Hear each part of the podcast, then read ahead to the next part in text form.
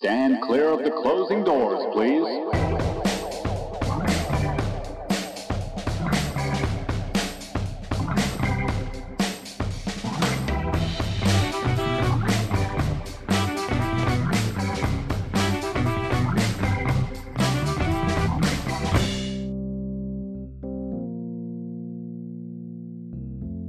Witajcie kochani w transkontynentalnym magazynie filmowym. Z tej strony Darek. Zapraszam Was na kilkudziesięciominutową audycję, tak zwany półodcinek, z którym to powracam po ponad czteromiesięcznej przerwie od ostatniego nowojorskiego, który ukazał się 27 kwietnia i w tamtym to odcinku omówiłem dla Was serial Unorthodox stacji Netflix, serial mocno wpisany w Nowy Jork, ale nie tylko. Więc tych, którzy nie słuchali jeszcze tego odcinka, zapraszam do niego.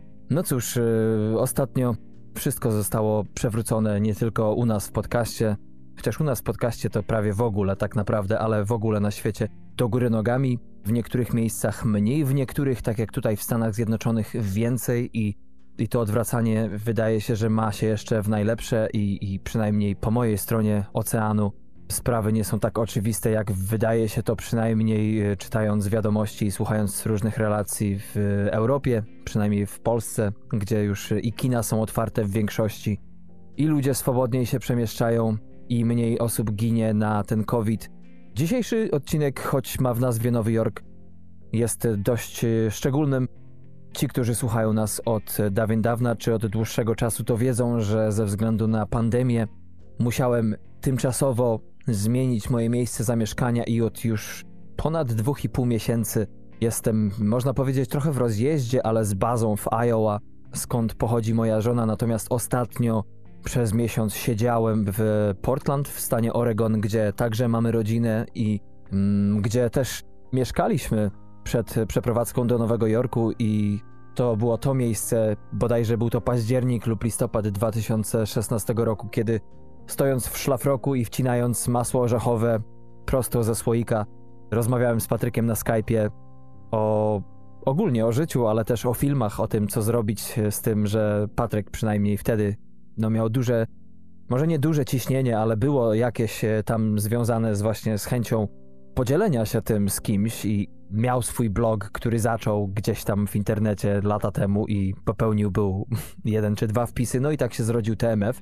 Więc y, ostatnio moje życie w pewien sposób zatoczyło koło i cóż, nie wiadomo czy jeszcze nie zatoczy większego. Dzisiejszy półodcinek wyjątkowy jest też z tego względu, iż y, ostatnie mini recenzje są to dość zwięzłe odcinki, które niejako zastąpiły, można powiedzieć, bonusy, bo w czasach posłuchy, kiedy prawie w ogóle nic nie wychodzi w kinach, teraz być może to się już gdzie niegdzie zacznie. Seriale też nie do końca wychodzą na potęgę, więc z Patrykiem zdecydowaliśmy się zastąpić bonusy mini recenzjami, w których to właśnie oceniamy, recenzujemy dla Was e, dzieła, które ukazują się tu i ówdzie. Niejako jest to przedłużenie naszych pełnych odcinków, które to prowadzimy razem, no ale właśnie ze względu na zwięzłą formę tych audycji raczej ograniczamy tam housekeeping do niezbędnego minimum. Natomiast e, w naszych półodcinkach, które są właśnie autorskie, bardziej o których to dany prowadzący decyduje niż jakiekolwiek gremium, choćby dwuosobowe. Więc dzisiaj troszeczkę będzie pogadanki na te i różne tematy, bo też raz, że ja czuję, że stęskniłem się trochę za takim dość swobodniejszym, bezpośrednim zaadresowaniem Was, naszych słuchaczy, to jeszcze sporo się jednak zdarzyło w ostatnich miesiącach i, i to też poniekąd ma przełożenie na podcast. Tak jak wspomniałem, mini recenzje były przede wszystkim, można powiedzieć, choć nie tylko, odpowiedzią na zmianę trendów na świecie, zwłaszcza jeśli chodzi o słuchanie podcastów, bo ze względu na pandemię wiele rutyn uległo po prostu przewróceniu. No więc też i słuchalność podcastu, trendy zupełnie stanęły na głowie i yy, stwierdziliśmy, że mimo wszystko chcielibyśmy dla Was regularnie nagrywać, pomimo tego, iż nie za wiele rzeczy wychodzi, ukazuje się w kinach czy w telewizji to jednak jest coś, co warto albo polecić, albo przed czym przestrzec, y, choć nie do końca. Tu mam na myśli na przykład misję Greyhound z połowy sierpnia. Mm, jeśli chodzi o wspomniane nowojorskie odcinki, no to właśnie po wybuchu tej pandemii rzeczywiście świat, przynajmniej dla mnie, zmienił się niesamowicie. O tym też nie wspominałem za bardzo na antenie, ale to był moment, kiedy rzeczywiście było naprawdę strasznie w pewnym momencie w Nowym Jorku, a przynajmniej strasznie ze względu na to, że wielu z nas zaczęło chorować. Nas w sensie w miejscu pracy, w którym pracowałem, w restauracji w centrum Manhattanu. No i jest to bardzo ciekawa rzecz, że dzisiaj, kiedy już yy, można powiedzieć, lekarze już coraz lepiej ogarniają sytuację, jeśli chodzi o leczenie pacjentów, którzy przybywają do szpitala. No i też to, że ten wirus podobno ma ewoluować i nie jest już tak drastyczny w swoich objawach, chociaż też sieje spustoszenie tu i ówdzie. Nie jest on zbyt regularny wszędzie. No to inaczej patrzymy na tę sytuację. Ja mam z pewnością bardzo konkretne doświadczenie z tym wirusem i też y, to, co się mówi często w mediach, że ten wirus potrafi mieć bardzo długie efekty, jeśli chodzi o życie, o zdrowie ludzkie, to się sprawdza, bo zarówno ja, jak i kilku moich znajomych z byłej już pracy, no doświadczamy tego jeszcze mimo wszystko. Jeszcze, jeszcze nie chcę tu oczywiście wchodzić w szczegóły, ale to się za nami non-stop ciągnie, mimo iż człowiek poniekąd czuje się zdrowy. Ale tak to będzie, tak przewidują to różni intelektualiści, różni ludzie, którzy rozmawiają na różne tematy, że gdy ta pandemia w końcu się skończy, to okaże się, że wszyscy wyjdziemy z niej praktycznie z zupełnie inną wersją zdarzeń i będą one często kompletnie niekompatybilne ze sobą. Ostatnio miałem przyjemność, tak jak wspomniałem, pobytu w Portland. Zanim tam dotarłem, to przejechałem samochodem 34 godziny. Zaobserwowałem zupełnie inne podejście do tej pandemii niż choćby tutaj w Iowa koło mnie, czy w Nowym Jorku jeszcze zanim się z niego wyprowadziliśmy. Pamiętam taką sytuację z starszym panem, który tankując paliwo zagaił nas o różne sprawy, po czym my się go zapytaliśmy, gdzie ostatnio był.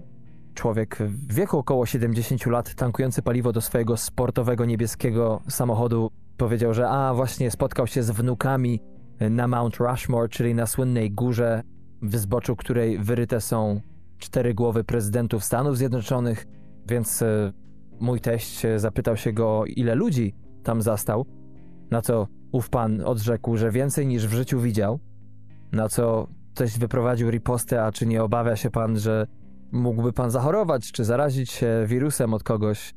Ów pan skwitował to stwierdzeniem, iż no cóż, jeśli dobry Bóg mnie wezwie, no reszty nie będę kończył, ale no mniej więcej takie to podejście bywa tu i ówdzie co do tej choroby, której, przed którą jedni się chowają, e, inni uważają ją za wymysł mediów i grupy trzymającej władzę, tak to nazwijmy.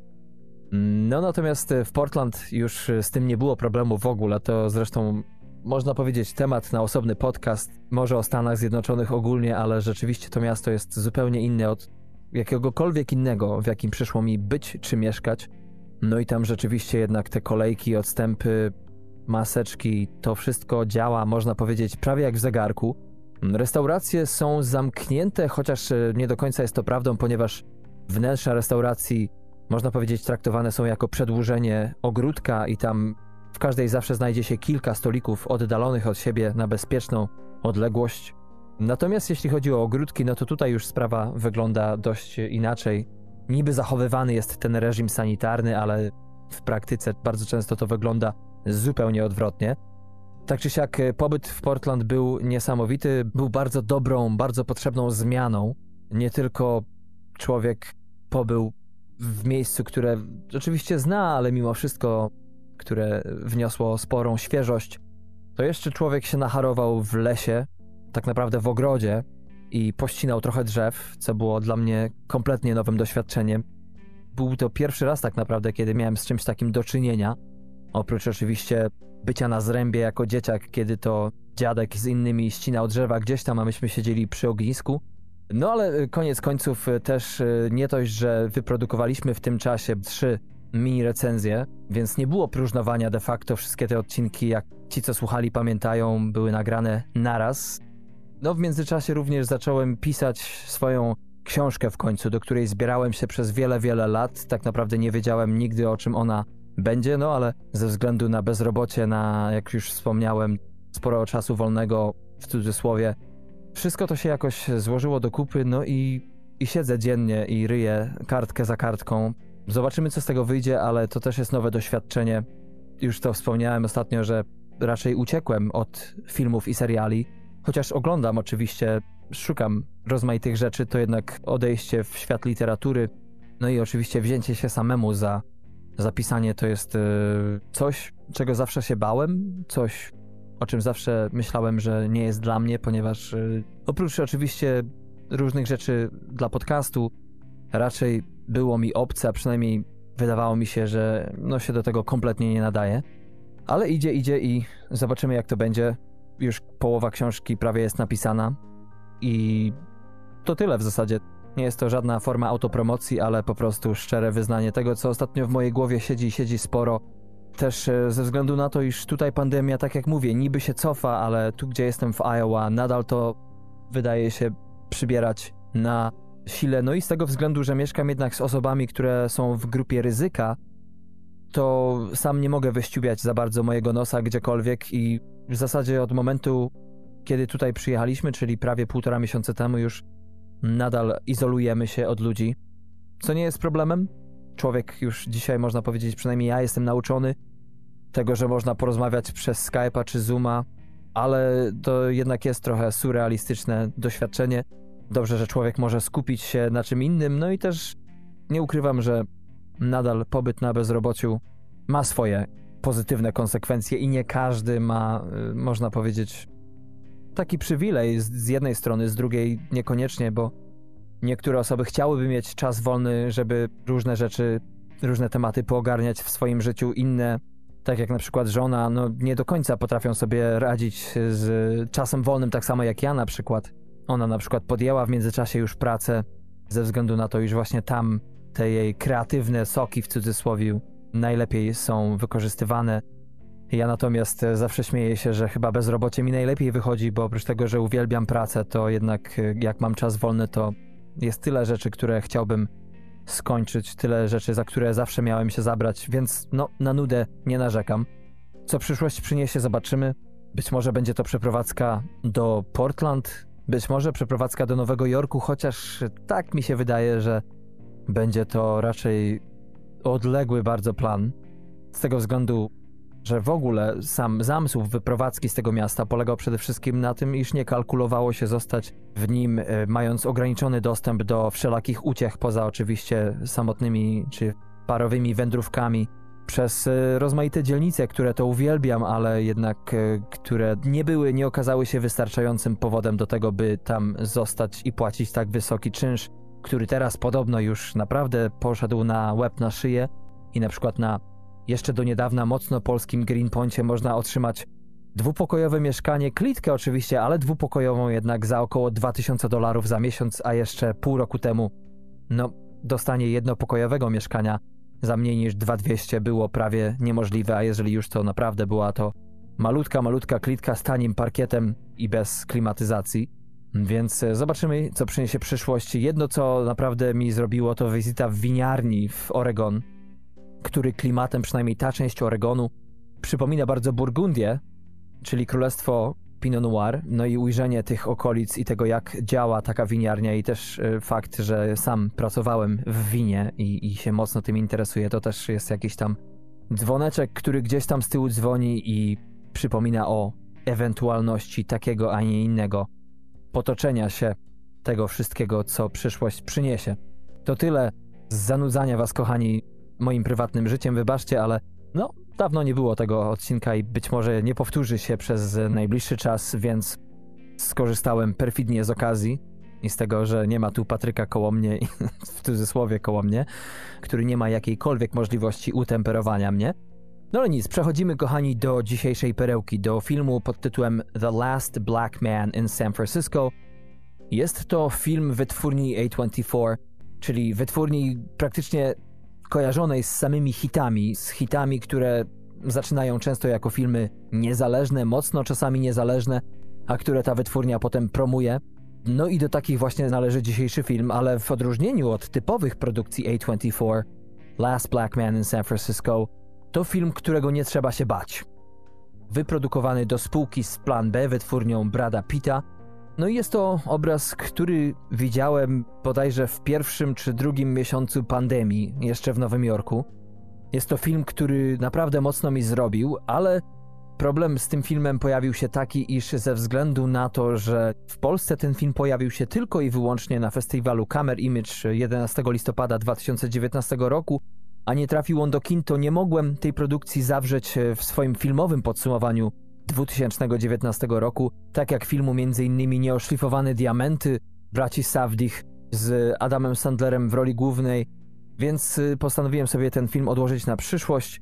Stwierdziłem, że chyba najlepszą okazją będzie po prostu mój półodcinek, najbliższy półodcinek, w którym to będę mógł Wam o tym filmie opowiedzieć. O filmie, który, jak sobie przejrzałem wczoraj, przygotowując się do nagrania dzisiejszego odcinka, listę najlepszych filmów 2019 roku, wychodzi na to, że jest najlepszym dla mnie filmem, jaki ja obejrzałem w poprzednim roku, a drugi seans y, tylko to potwierdził. Uważam, że jest to film kompletny. Jest to film, który został bardzo, bardzo wysoko oceniony przez krytykę. Jeśli chodzi o widzów, zależy gdzie się patrzy. Na Rotten Tomatoes to jest naprawdę niezła ocena, kształtująca się bodajże w okolicach 80 kilku, 84%. Natomiast jeśli chodzi o recenzentów, to aż 93% z nich dało temu filmowi kciuki w górę przy średniej ocenie 8,3 na 10. Na IMDb jest to nieco niższa ocena o prawie punkt, jeśli chodzi o widownię. Natomiast e, no, ten film dla mnie to 10 na 10 to najniższy wymiar kary dla niego. A dlaczego? No cóż, może po kolei wam streszczę jego fabułę. Film opowiada o młodym mężczyźnie o imieniu Jimmy, który wychował się w pewnym domu w San Francisco, jedynym miejscu na ziemi, w którym się widzi. Jako młody chłopiec właśnie mieszkał w domu, który jak twierdzi, jego dziadek, weteran II wojny światowej, zbudował w 1946 roku i przynajmniej jeśli chodzi o to, czego dowiadujemy się w filmie, bardzo ciekawy jest kontekst e, sam budowy tego domu i tego, iż został on zbudowany przez czarnoskórego człowieka, a lata 40. to bynajmniej nie Eldorado, jeśli chodzi o tę mniejszość w Stanach Zjednoczonych. Pamiętamy w 1941 roku w grudniu nastąpił atak japońskich kamikaze na bazę amerykańskiej marynarki wojennej na Hawajach, efektem czego był nie tylko amerykański odwet, ale także internowanie całej reszty japońskich obywateli Stanów Zjednoczonych z zachodniego wybrzeża i osadzenie ich w obozach koncentracyjnych, koncentracyjnych oczywiście w pierwotnym tego słowa znaczeniu. No i to spowodowało, iż w takim mieście jak San Francisco, z którego ewakuowano, jak mówią dokumenty, około 5 tysięcy osób na mocy dekretu podpisanego przez ówczesnego prezydenta Stanów Zjednoczonych Franklina Delano Roosevelta. Więc jeśli chodzi o lata następne, a zwłaszcza powojenne, kiedy Prosperita powoli zaczęła pukać na nowo do drzwi, do bram tego kraju, no to osiedlający się w tym mieście ludzie mieli spory wybór, jeśli chodzi o domy opuszczone przez ludność pochodzenia japońskiego. No i właśnie dziadek naszego głównego bohatera, wracając e, do domu, w cudzysłowie, po wojnie, Zamiast zagarnąć, czytaj kupić właśnie jeden z tych opuszczonych domów, zdecydował się zbudować swój własny bez niczyjej pomocy i dziś po wielu latach, w których to historia można powiedzieć nie obeszła się z jego rodziną łagodnie, nasz bohater, jego wnuk, powraca w towarzystwie swojego przyjaciela Montgomery'ego w rodzinne strony, by odszukać, a następnie odzyskać dom rodzinny.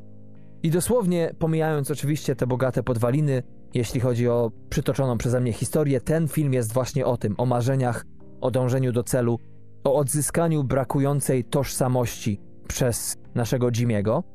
Ale jeśli ktoś zechce sięgnąć do filmu nieco głębiej, to być może tak jak ja odnajdzie w nim nie tylko oryginalną opowieść o życiu widzianym z perspektywy czarnoskórego Amerykanina, który żyjąc w kraju o takiej, a nie innej konfiguracji historyczno-społecznej, Stara się odzyskać to, czego nigdy tak naprawdę nie miał, a przynajmniej czego nie dane mu było zachować, ale trzeba też przyznać, że jest to mocno nienachalny w swojej poetyckości opis tego, jak wszyscy jesteśmy tak naprawdę w tej samej łodzi, a także tego, jak bardzo jako ludzie jesteśmy związani ze swoim pochodzeniem, plemieniem, czymś mocno pierwotnym, co nigdy w nas nie umiera i nigdy nie jest obce, nieważne jaki to kontynent i jaki to kolor skóry.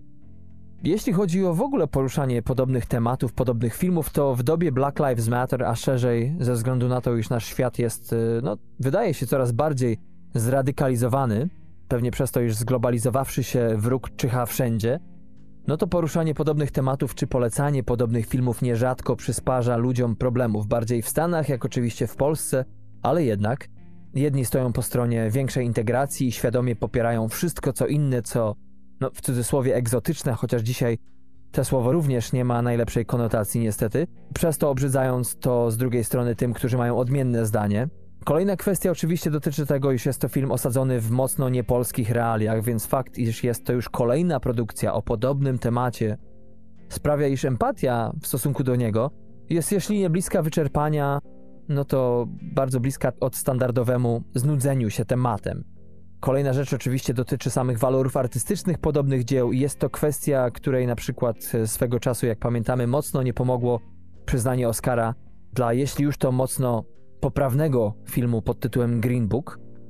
Ale mimo wszystko ja podjąłem się tego dzieła i to z bardzo wielu względów. Przede wszystkim największą zaletą tego filmu moim zdaniem jest to, iż twórcy bardzo mocno zaufali temu, iż jeśli usuną się w cień i pozwolą autentyczności na wydobycie się z chemii, jaka istnieje między aktorami, to umożliwi nam to nieograniczony dostęp do świata wewnętrznego głównych bohaterów, dzięki czemu lepiej zrozumiemy to, o co toczy się walka, gdzie są smoki i jak są duże. No i ów cień, w który usunęli się wspomniani twórcy, nie jest bynajmniej tylko pustym wyczekiwaniem w bezruchu. Wręcz przeciwnie, jest to moim zdaniem mocno zaangażowany obraz, jeśli chodzi o warstwę artystyczną. Wydaje się bowiem, iż zarówno reżyser od zdjęć, kompozytor, montażysta i co za tym idzie finalnie reżyser całego filmu Joe Talbot, wszyscy oni, tak mi się zdaje, dobrze usłyszeli istotę filmu, dobrze ją zrozumieli, która właśnie bardzo często rozgrywa się w detalach, niuansach na twarzy danej postaci, w jej spojrzeniu, czy nawet w zawartości łez w oku. No i wydaje się, że właśnie to owi twórcy byli w stanie zobaczyć, co pozwoliło im na połączenie swoich ról w mocno spoistą całość, a nam widzom, przynajmniej takim widzom jak ja, w bardzo bogatym, wielowątkowym odczytaniu całej produkcji. Dla wspomnianego reżysera Joe'ego Talbota jest to debiut pełnometrażowy, jest to członek piątego pokolenia rodziny Talbotów wywodzących się z San Francisco.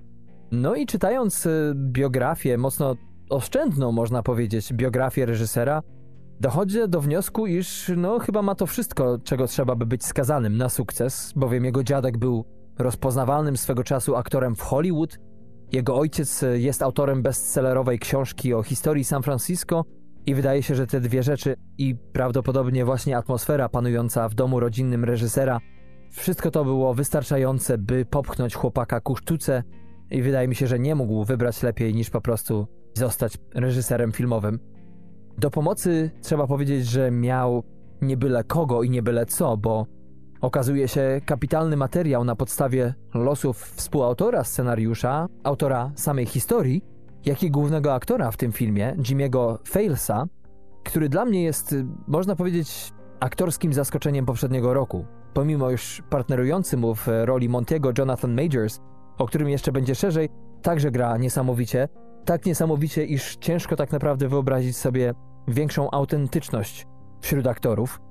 No i właśnie na podstawie doświadczeń Jimmy'ego Failsa, Joe Talbot, do spółki z trójką kolejnych debiutantów, wymienię ich tutaj, no bo nie jestem w stanie stwierdzić, jaki wkład poszczególna osoba miała w powstanie scenariusza. Są to Rob Reichert, Emma Nichols oraz Fritzi Adelman. No i właśnie ta czwórka wespół z aktorem Jimmy Failsem popełnili ten scenariusz, który obfituje w momenty pełne szczerości, ukazując ludzką kruchość, którą widać zwłaszcza w trakcie scen między Jimmym a Montym, czy też między Montym a jego dziadkiem, w którego wciela się legendarny Danny Glover, znany z zabójczej broni przede wszystkim, u którego to właśnie Monty mieszka i u którego pomieszkuje także Jimmy. Tutaj na uwagę zwłaszcza zasługuje scena oglądania przez całą trójkę filmów czarno-białych, które to ukazują zarówno relacje wnuka z dziadkiem, ale także reakcję Jimiego na rozgrywającą się w jego pobliżu rodzinną bliskość, ponieważ o ile tak naprawdę nie wiemy, jakie relacje łączą Montiego z jego rodzicami, no to widzimy dosłownie gołym okiem to, w jakiej więzi pozostaje nasz główny bohater Jimmy ze swoim ojcem czy matką, z którymi to łączą go, no, łagodnie rzecz ujmując, nie najmocniejsze relacje. I e, to wszystko tylko potęguje stawkę, o którą toczy się gra dla naszego głównego bohatera, który, tak jak wspomniałem, chce odzyskać rodzinny dom, ponieważ pomimo tego, iż koszt jego kupna jest kompletnie poza stanem posiadania głównego bohatera, to i tak wydaje się, że tak przewrotnie to powiem, jest to najmniej nieosiągalna opcja. To znaczy, mógłby postarać się odbudować, naprawić, czy też zbudować relacje ze swoimi rodzicami, ale z jakichś powodów jednak nie jest to kompletnie brane pod uwagę i odzyskanie graniczące, można powiedzieć, z cudem rodzinnej posiadłości wydaje się łatwiejsze.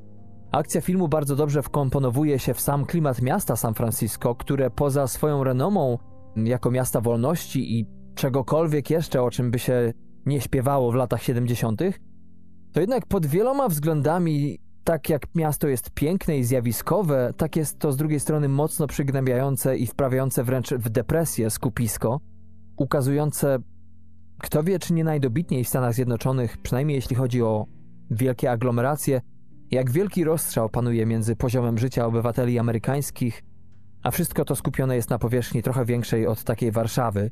Sam mieszkałem tam przez prawie dwa lata, po wschodniej co prawda stronie zatoki, natomiast przez około dwa lata miałem okazję podróżować tam, czy to przez most, czy to metrem, w celu zagrania jakiegoś spektaklu, czy też odbycia jakiegoś przesłuchania tu i ówdzie. No i trzeba powiedzieć, że wielokrotnie zaobserwowany tam przeze mnie poziom biedy, narkomanii, prostytucji, bezrobocia i po prostu ludzkiego cierpienia jest tak niewyobrażalny, zwłaszcza im bliżej centrum miasta, w okolicach głównych stacji metra, no że to wszystko skąpane dodatku w oparach marihuany jako jedynego środka uśmierzającego ból sprawia, że ciężko było tam naprawdę czuć się dobrze. Był to obraz mocno kontrastujący z tym, co widzimy na pocztówkach. I oczywiście tak jest z każdym miejscem. Tak przede wszystkim jest, no nie wiem jak już dzisiaj, bo nie byłem wiele lat, ale tak dla mnie zawsze było z Łodzią, która potrafiła mieć piękne budynki, pięknie odrestaurowane, które graniczyły, można powiedzieć, ze slumsami, mocno pod upadłymi alejkami. Tak jest dokładnie właśnie w San Francisco. Dzisiejszy film jednak trzeba powiedzieć jest mocno ostrożny, jeśli chodzi o oferowanie jakichkolwiek wyroków, czy też bombardowanie widza obrazkami biedy, rozpaczy, ucisku, jaki doświadczają przede wszystkim przedstawiciele czarnoskórej społeczności w Stanach Zjednoczonych, a bardziej skupia się właśnie na wspomnianym głównym dążeniu naszego bohatera Jimiego, która to droga obfituje w rozmaite twisty, ewolucje praktycznie każdej z postaci, gdzie tak naprawdę nie ma miejsca na jednowymiarowość i co też tutaj warto wspomnieć, największą, jedną z największych zalet, a na pewno jeśli chodzi o konstrukcję postaci czy odegranie ich przez aktorów, jest to, co Patryk chyba najbardziej lubi, czy to w filmach, czy w serialach, poziom samoświadomości danej postaci, w zasadzie każdej z nich. I to rzeczywiście widać, te ewolucje nawet samoświadomości nie tylko na twarzach Jimiego czy Montiego, ale też mamy momenty, można powiedzieć, takiego cameo, kiedy to wcześniej widziana postać nagle ma swoje 5 minut w cudzysłowie pod koniec filmu i tam też odbywa się, no jeśli nie pewna walka, to przynajmniej pewien proces dochodzenia do tej czy innej myśli, co tylko wzbogaca ten obraz. Nawet postać białego agenta nieruchomości wiele wnosi, ponieważ z jednej strony stoi on kompletnie po stronie Jimiego i Montiego, wydaje się gość w ich wieku, no ale z drugiej strony też zachodzi im za skórę, ale co ciekawe, nie do końca z własnej winy. I z tym was zostawię, ale to jest właśnie solą tej opowieści. Nie za wiele tutaj wam zamierzam zdradzać, ale powiem tylko, iż czy to nasi bohaterowie, czy to ludzie, którzy są teraźniejszymi lokatorami owego domu, czy też inne postaci, każdy z tych ludzi jest przedstawiony w bardzo efektywny sposób, pozwalający widzom ujrzeć każdego z nich jako osobę ułomną, mocno ludzką, skorą zarówno do współczucia, jak i złości. Tak samo też, choć bardziej metaforycznie, dzieje się z grupą ziomków, e, z którymi lata wcześniej nasz Jimmy lubił się bratać na co dzień i wystawać na ulicy, jak to często się dzieje na całym świecie i ziomalić się wzajemnie, czy też wikłając się w konflikty zarówno między sobą, jak i z innymi grupami. No jednak dzisiaj naszemu Jimiemu daleko jest od takiego sposobu spędzania czasu. Wydaje się, iż jemu udało się odkryć to coś, cel, który od dziś e, czy od jakiegoś czasu przyświeca mu do momentu, w którym oczywiście go osiągnie, ale sam fakt, iż kiedyś był taki, jak e, jego już byli dziś najlepsi kumple spod bloku, jest doskonałym też dowodem na to, iż tak naprawdę nigdy nie wiadomo, z kim mamy do czynienia, że oprócz głównego bohatera są też postaci, które równie dobrze mogłyby rzucić wszystko i starać się zmienić coś w swojej rutynie, w swoim życiu, Jednak nigdy się na to nie decydują z jakichś powodów. Niektórzy zbyt mocno są przesiąknięci być może chęcią utrzymania statusu quo, inni nie mają w sobie wystarczająco dużo parcia na to, by coś osiągnąć, ogarnąć się, a jeszcze inni nieraz potrafią być na dobrej drodze ku jakiemuś tylko sobie dobrze rozumianemu katarsis, ale jeden nieuważny czy głupi ruch potrafią często wszystko zniweczyć.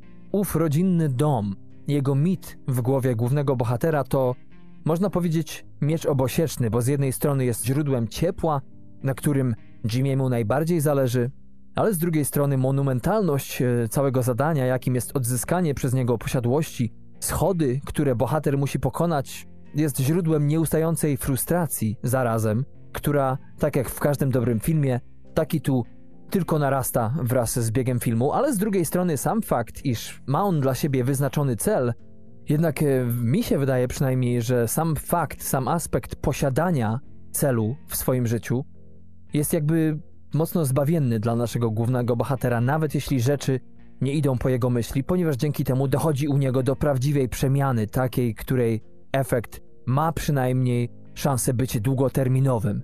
Jego przyjaciel natomiast, Monty, grany przez wspomnianego przeze mnie Jonathana Majorsa, to można powiedzieć osoba nieco na kontrze do, do Jimiego, choć o można powiedzieć podobnej energii z jednej strony, no to jednak e, jest to człowiek, który, którego największą zaletą jest to, iż wie, kiedy przemówić, który jest mniej impulsywny, choć to też, jak mówię, nie jest do końca sprawiedliwym określeniem, patrząc na charakterologię naszych bohaterów. Monty to rysownik, pisarz, myśliciel, człowiek teatru, co też ma swoje tutaj wielkie znaczenie w filmie, zwłaszcza jeśli chodzi o humor, choć być może będzie to humor najlepiej odczytany przez ludzi, którzy parają się teatrem, zwłaszcza wiedzą dokładnie, kto to jest Stanisławski i tak dalej, więc jest tu trochę ukrytych, nie ukrywam, znaczeń. Natomiast mimo wszystko jest on tak jak jego przyjaciel Jimmy uparty, jest on po prostu obserwatorem tego, co się wokół niego dzieje. Nie do końca miałem pojęcie tak naprawdę, co dla niego samego jest w tym filmie stawką, natomiast mimo wszystko też nie czyniłbym z tego, co czasem przejawia się jednak w tej czy tamtej recenzji, zarzutu dla filmu, ponieważ film ten naprawdę jest tak napakowany we wszelakie środki wyrazu, które wyrażają sporo, że nie sęk w tym, żeby coś jeszcze tutaj można napakować. Ale w przypadku Montiego, jeśli chodzi o jego rolę w tej całej historii, to właśnie brak szerszego ukontekstowienia w tym obrazie nie jest tutaj żadnym problemem, ponieważ to, co się dzieje przede wszystkim w dalszej części filmu, tyle zdradzę, jednak mocno jak dla mnie klaruje funkcję, którą jego postać ma spełniać w całej opowieści i jest to naprawdę bardzo dobre sparowanie tych dwóch głównych postaci. Są bardzo podobni z jednej strony, a z drugiej, tak jak e, powiedziałem, są bardzo różni i świetnie się uzupełniają, koniec końców. No dobrze, ale chwalę tak i chwalę ten film, zagłębiając się dość głęboko w jego psychologiczne podłoże, ale może czas jednak wspomnieć jakieś niedoróbki. Tylko, że problem jednak w tym, że naprawdę ten film dla mnie, no może nie tyle jest perfekcyjny, bo coś takiego raczej wątpię, że istnieje, ale na pewno jest kompletny. Jest to film, któremu tak naprawdę nic nie brakuje. I jeśli już miałbym coś znaleźć w nim, to być może to, że ze względu na jego przywiązanie do detali, na właśnie bogatość e, zawartych w nim rzeczy, może okazać się po prostu filmem nie dla każdego. Jego odbiór będzie uzależniony od tego, co my, co dana osoba będzie w stanie w nim wychwycić. Sam z pewnością podchodzę do niego, przyznaję się, z punktu widzenia osoby, która mieszkała, mieszka w Stanach Zjednoczonych, trochę tu, trochę tam. Do niedawna, jak wspomniałem na początku, w Nowym Jorku. Więc wydaje mi się, że może być trochę rzeczy, które ja odczytuję, ponieważ w ten czy inny sposób byłem świadkiem rozmaitych zajść, zdarzeń, bądź też które zostały mi wbite do głowy przez wszędobylską popkulturową papkę, że się tak wyrażę.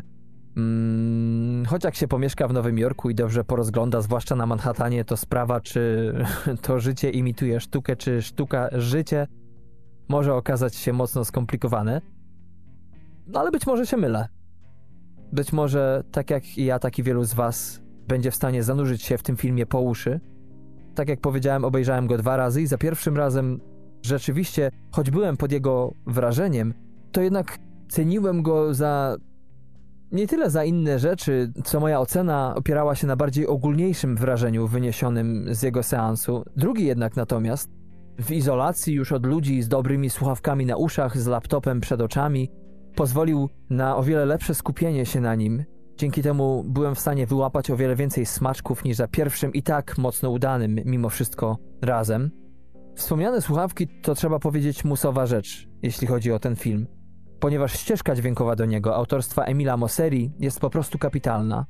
Artysta rodem z Los Angeles, którego wcześniejszym, największym można powiedzieć projektem był podkład dźwięku do drugiego sezonu serialu Homecoming z Janelle Monet, bardzo sprawnie skomponował przede wszystkim motywy przewodnie, które robią co powinny, czyli tu i ówdzie przewijają się przez ten film, zwłaszcza związane są z głównym bohaterem, jak możecie się domyślać. Zresztą całe nagłośnienie, trzeba tu powiedzieć, filmu jest warte uwagi, gdyż głębia, z jaką został oddany zwłaszcza ambience, czyli wszystkie odgłosy tego, co się dzieje wokół głównej akcji, wszystko to dopina po prostu całość, eksponując, można powiedzieć, jeden z miliona problemów, które rozgrywają się wokół naszego głównego bohatera.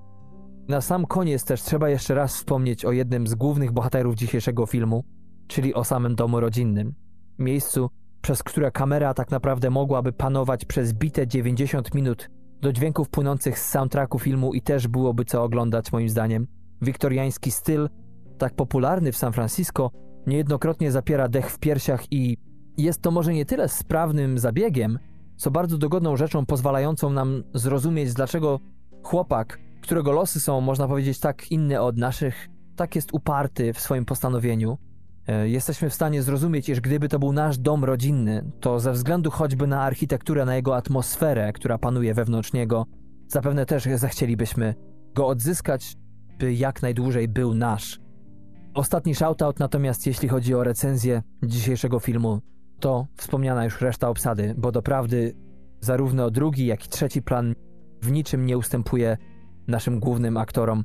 Mowa tu o wspomnianych ziomkach, e, z których wyróżnić należy przede wszystkim na co dzień piosenkarza Jamala Trulowa w roli Kofiego, choć i reszta chłopaków też naprawdę daje radę i to całkiem nieźle.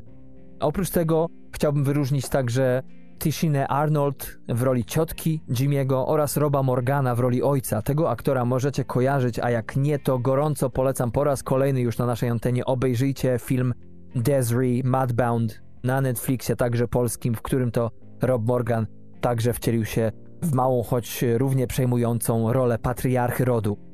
Podsumowując, kochani, jeśli uda Wam się dostać ten film, on jest dostępny w Stanach na Amazon Prime, ale być może gdzie indziej także, można go wykupić w internecie, czy jest on puszczany, to naprawdę, jeżeli uda Wam się wtopić w ten przepięknie zrealizowany slow burn, czyli film, który toczy się, jak to zawsze mówię, swoim tempem, to otrzymacie niewyobrażalnie bogaty obraz. Pełen niuansów, który, choć mówi sporo, to wydaje się, że nie mówi jeszcze więcej. Jest on spowity w subtelnej, ale czasem też i dojmującej poetyce, z niesamowitymi dialogami, zwłaszcza o Wiziomkowie i to, co oni tam na drugim planie odstawiają. Jest po prostu creme de la creme. Oprócz tego mamy sporo humoru sytuacyjnego, samemu udało mi się kilka razy parsknąć śmiechem i to nieźle. A wszystko to utrzymane jest w bardzo sprawnej tonacji i w odpowiednim rytmie, dzięki przede wszystkim montażowi, który momentami wynosi rozmaite odgłosy, tak jak kroki, pukanie, chrząknięcie itd., tak do rangi, jeśli nie pierwszo, to na pewno mocno słyszalnej drugoplanowej postaci. Jest to dla mnie 10 na 10. Im dłużej się produkuje wam, tym bardziej sam siebie przekonuję, że jest to najlepszy film, jaki dane mi było obejrzeć z 2019 roku. Trzeba wspomnieć również, iż e, w Sundance Film ten otrzymał dwie nagrody dla reżysera, nie tylko nagrodę specjalną, ale także w kategorii najlepszy reżyser dramatu Joe Talbot, a także od wielu krytyków, od Boston po Los Angeles ten film został po prostu mocno, mocno dobrze oceniony. I kto wie, czy gdyby nie pandemia, to no nie rozszedłby się w większej ilości kopii że się tak to wyrażę. No a być może nie, być może jest to mimo wszystko film o problemie czarnoskórych obywateli Stanów Zjednoczonych i tak jak to ostatnio rozmawiałem z moim przyjacielem tutaj, z moim współlokatorem i kolegą z, ze studiów aktorskich, rozmawianie o tych problemach, o podobnych filmach, ocena ich i tak dalej, jednak tutaj jest może nie do końca tematem tabu, ale jest to traktowane przez wielu jako cienki lód, no ja ze względu na to, iż w ogóle znajduję się w dość mocno ciekawej sytuacji, nagrywając ze Stanów, ale będąc Polakiem, mówiąc do głównie Polaków, ale też oczywiście krajanów mieszkających na całym świecie, no to może ja sobie mogę pozwolić na bardziej śmiałą recenzję, chociaż tak mi się wydaje, że celowo pominąłem tutaj rozmowę na temat ukontekstowienia, na temat właśnie tego, co się dzieje na świecie, na temat równouprawnień i tak dalej, i bardziej skupiłem się na samej podróży głównego bohatera, głównych bohaterów, ich losów. Tak jak powiedziałem, Slowburn nie oznacza filmu wolnego, jest to po prostu film, któremu nigdzie nie śpieszno, ale który bynajmniej nie jest nudny, jeżeli oczywiście uda nam się w niego wsiąknąć, e, czy udaje mu się wsiąknąć w nas. Oprócz e, momentów, które ściskają za serce, momentów smutnych, jest też w nim bardzo sporo piękna, które moim zdaniem troszeczkę nam ceruje tę rozdartą duszę, przynajmniej tak było w moim przypadku i nie wchodząc tu zbytnio w poetykę, wydaje mi się, że właśnie w odróżnieniu od y, serialu To wiem na pewno, o którym wam z Patrykiem ostatnio w mini recenzji opowiadaliśmy, gdzie można powiedzieć wszystko skąpane jest w mocno hiobowej atmosferze, tu jednak mamy tego odwrotność. Y, jest to prawie dwugodzinny film, ale który jednak y, przynajmniej mnie potrafił utrzymać w ryzach do ostatniej minuty. Co więcej, spowodował nawet, iż wielokrotnie musiałem wciskać pauzę, ponieważ za drugim razem przeżywałem to zupełnie inaczej, mocniej. Musiałem sobie niektóre rzeczy nie tyle przetrawić, co, co pozwolić im właśnie pobyć trochę we mnie. Cóż, The Last Black Man in San Francisco, Joe Talbot, serdecznie polecam wszystkim. To tyle, kochani, na dziś. No cóż, jeśli chodzi o następne odcinki, kochani, no to cóż, planujemy z Patrykiem tym razem zapełnić Wam ramówkę przez dwa kolejne tygodnie troszeczkę dłuższymi odcinkami, więc po moim dzisiejszym przyjdzie nasz pełny odcinek. Mamy już wybrany film. Film, który no, dość zaskakująco pojawił się w naszym katalogu, ponieważ mi wydawało się, iż jest to film, no przynajmniej w Stanach dobrze znany, był swego czasu, kiedy wyszedł, przede wszystkim ze względu na zbieżność jego tytułu ze słynną amerykańską sztuką teatralną, ale e, Patryk uświadomił mi, że to zupełnie mija się z prawdą. Nie tylko ten film nie był nominowany do Oscara, ale przede wszystkim ma też bardzo mało ocen, czy to jeśli chodzi o IMDb czy Filmweb. No więc y, super, bo na mnie ten film zrobił ogromne wrażenie. No i mam też przyjemność potwierdzenia faktu, iż Patrykowi też się spodobał. A potem zobaczymy prawdopodobnie kolejne mini recenzje. Jest kilka rzeczy, które się dzieją. Jest Tenet Christophera Nolana oczywiście, który Patryk widział, o ile dobrze pamiętam, jeszcze w Polsce. Ja niestety ze względu na moją sytuację nie byłem w stanie jeszcze go obejrzeć i nie wiem, czekam aż może pojawi się na DVD albo no nie wiem, serwisie streamingowym, natomiast do kin się mimo wszystko tutaj nie wybieram. A potem zobaczymy połówka Patryka. I tak to będzie się kręciło, kochani. Mam nadzieję, że im bliżej października, listopada, tym więcej propozycji, tak jak co roku, Oscarowych, czy tych, które mają ambicje być Oscarowymi, zacznie wychodzić, jak właśnie nie w kinach, to właśnie w internecie. Polecamy się, kochani, na przyszłość. Zapraszamy na nasze strony www.tmfpodcast.com. To nasza strona domowa, tam znajdziecie wszelakie inne informacje, linki, a także czasówkę i tak dalej. Na Facebooku i Instagramie jesteśmy pod aliasem TMF Podcast pisane razem, a na Twitterze TMF dolny podkreśnik podcast. Jesteśmy oczywiście dostępni na YouTubie dla tych, którzy lubią odpalić po 100 różnych zakładek na komputerze i nas tam słuchać, a jak nie, to jesteśmy dostępni na wszystkich apkach podcastowych, także na Lektonie, aplikacji podcastowej Audioteki, a także na aplikacji niedługo, już za kilka, mam nadzieję, dni, będziemy dostępni na aplikacji Empiku pod tytułem Empik Go. To tak w skrócie. Dziękuję jeszcze raz serdecznie, kłaniam się nisko, kochani, trzymajcie się ciepło i do usłyszenia już za tydzień. Cześć.